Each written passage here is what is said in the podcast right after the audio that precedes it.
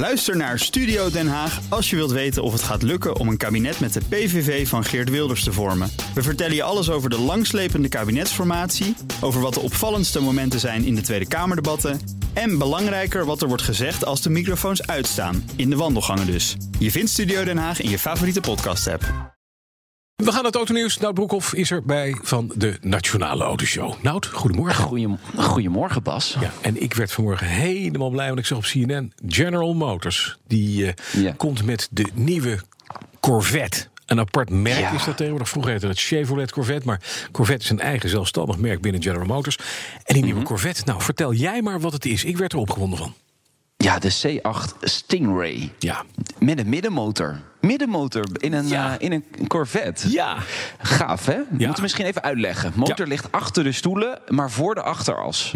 Dus je krijg je echt een hele andere auto dan vroeger. Want vroeger lag die motor echt in de punt eh, eh, van de auto. Dus je zit ook 42 centimeter naar voren. De kracht komt echt van achteren, van die V8. 490 pk. En hij weegt maar 1500 kilogram. Ja, het wordt een beetje Dus ja, dat gaat gewoon heel hard. Ja. Ja, ja, hij wordt al een beetje vergeleken inderdaad met dat eh, geweld uit Maranello. Want hij haalt ook 0 eh, tot 100 in minder dan drie seconden. Dus hij kan ook echt wedijveren Ja. met die auto's.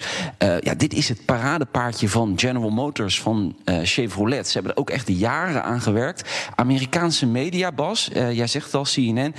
eh, het gaat nergens anders meer over dan over deze Chevrolet Corvette. Ja, Ongelooflijk en, eigenlijk. in Amerika wordt het ding gewoon hartstikke betaalbaar. Hè? Daar is Ja. het gewoon een dure middenklasser. En dan Ja, kan je een Ferrari mee 60.000 bijhalen. dollar. Ja, nou, dat bedoel ik.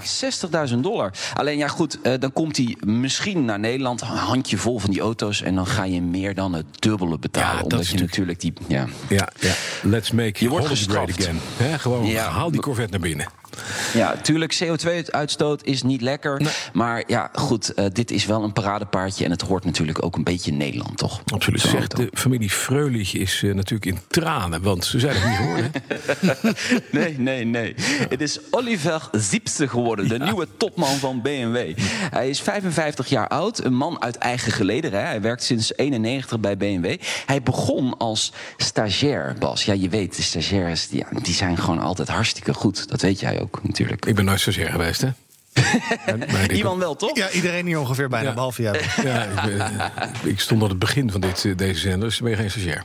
Ben je Nee, pionier nee, nee. ben je dan. Maar toch, Pionier jij, ben bent je, ook, ja. jij bent ook stagiair geweest, begrijp ik, hè? Ja. Ja, ja, Ongekende zeker. hoogte hebben jullie Ja. bereikt. Maar hij was stagiair, deze meneer Oliver Zipse. En nu is hij de grote baas met medeweten en goedvinden van de familie Quant. Ja. Die hebben de centen bij BMW in Ja, handen. de rijkste familie van Europa, volgens mij, als ik het eh, goed heb. Ja. ja, hij moet dus eh, Harold Kroeger gaan eh, opvolgen. Die eh, kondigde eerder deze maand zijn vertrek aan. Ja, men was niet meer echt te spreken over eh, de strategie van Kroeger. BMW had bijvoorbeeld een hele grote voorsprong op elektrisch rijden. Nu niet meer. Hè. Audi en eh, Mercedes komen er keihard aan. En ja, toch ook als merk, eh, de verkopen eh, bleven een beetje achter eh, bij Audi en Mercedes. Dus hij moet even erop en erover als het goed is. Vanaf 16 augustus mag hij aan de slag. En wie weet gaat hij ook wel doen aan die grill. Die grill van die auto. Ja, wat een vreselijke vieze geel. Maar ja, dat, hij- kan hij, daar, daar kon Kruger ook niks aan doen. Maar ja, die heeft het wel goed gevonden. Ja, dat Hey, klopt. Nog even naar Toyota, want die bouwen een speciaal voertuig voor de Olympische Spelen. Wat Ja, moeten we ons daarbij voorstellen? Ja, het is een soort pot, maar hij is elektrisch. eh, Oh mijn god. Ja, maar hij rijdt niet vanzelf. Hij heeft, er is nog wel een bestuurder met aan, man aan boord. of vrouw? Ja, ja. Hij heet de AMR. Hij heeft drie zitrijen, vijf passagiers kunnen erin. Ja, volgend jaar zijn natuurlijk de Olympische Spelen in Tokio, Japan. En Toyota is een van de partners van ja, het organisatiecomité. Dus ze gaan 200 van deze speciale voertuigen bouwen om ja, mensen van A naar B te brengen. Daar. En wat, waar staat AMR voor? Oeh, dat had ik ergens opgeschreven. Iets met accessible, eh, nog iets mover. Iets in die trant. Ja. Oké.